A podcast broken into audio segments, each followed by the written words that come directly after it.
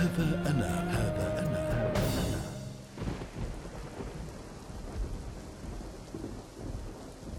ليلة باردة من ليالي إنجلترا. الساعة تشير إلى الواحدة بعد منتصف ليل الرابع من يناير من عام 1643 المخاض يداهم إحدى السيدات في مقاطعة لينكونشير شرق إنجلترا.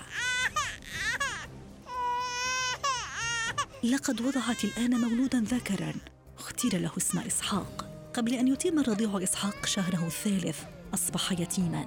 وقبل أن يتم عامه الثالث أصبح في كنف جدته لأمه بعدما انتقلت الأخيرة مع زوجها الجديد إلى منزل آخر. لكن الطفل عاد لحضن والدته بعدما ترملت من جديد.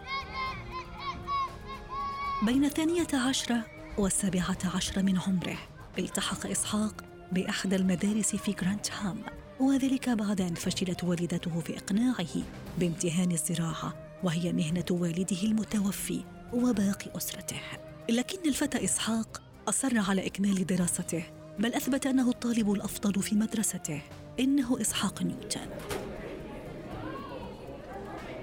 إننا في يونيو من عام 1661 لقد التحق إسحاق نيوتن بكلية الثالوث بكامبريدج قبل أن يكتشف نظرية ذات الحدين العامة ثم يبدأ تطوير نظرية رياضية أصبحت في وقت لاحق حساب التفاضل والتكامل.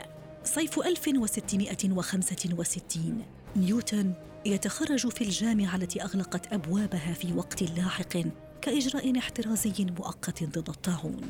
شهدت دراسات نيوتن الخاصة من منزله في العامين اللاحقين تطويرا لنظرياته في حساب التفاضل والتكامل والبصريات وقانون الجاذبية. خلال عامي 1664 و 1666 نيوتن يتوصل لأعظم النظريات عبر التاريخ. إنها نظرية الجاذبية التي بسببها دخل في خلافات حادة مع الفيلسوف الإنجليزي روبرت هوك. إننا في عام 1687 لقد فرغ نيوتن الآن من كتابة ما عد أفضل وأهم الكتب العلمية عبر التاريخ. إنه كتاب الأصول الرياضية للفلسفة الطبيعية. I've seen with it Jupiter, distinctly round. وقبل أن يحل عام 1668 كان العالم العبقري قد تمكن من صناعة أول تلسكوب يرصد الأجرام السماوية بسهولة. من عام 1670 حتى عام 1672 ألقى نيوتن محاضرات في علم البصريات قبل أن يتوصل إلى نظرية مفادها أن الضوء الأبيض يتكون من مجموعة أضواء مختلفة حددها بسبعة أضواء وهي ألوان الطيف. أبريل عام 1705 الملكة آن تمنح إسحاق نيوتن لقب السير خلال زيارتها لكلية الثالوث في كامبريدج. ليصبح بذلك نيوتن ثاني عالم يحصل على لقب السير بعد السير فرانسيس بيكون.